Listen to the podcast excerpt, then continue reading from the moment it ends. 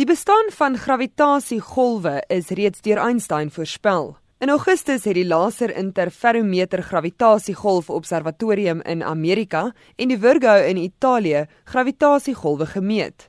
Cola Francesco sê die golwe was afkomstig van twee neutronsterre wat gebots en toe saamgesmelt het.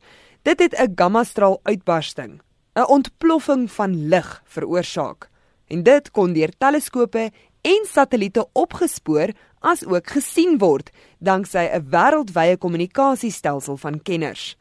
Cola Francesco sê dit is die eerste keer ooit dat 'n astronomiese gebeurtenis soos 'n gammastraal uitbarsting en ander syne waargeneem is saam met 'n gebeurtenis wat groot genoeg was om gravitasiegolwe uit te straal. Gammastrale is skaars en net 'n paar gebeur elke paar miljoen jaar in die sterrestelsel. The most important fact is that we do not observe only gravitational waves, but also we observe normal light radiation in terms of optical light, X-ray emission, gamma ray emission, associated to this process of two neutron stars merging together. This marks a complete new era in our search for this kind of systems and specifically in the search for gravitational waves. Reg oor die wêreld het die waarneming nuusopslaa gemaak. For the first time ever, we have been able to associate an emission of gravitational waves which are not visible by telescopes, let me say, with the emission of light or radiation which instead can be visible by telescopes. So in other words, we have the astronomical evidence of the sources, of this kind of sources that produce gravitational waves.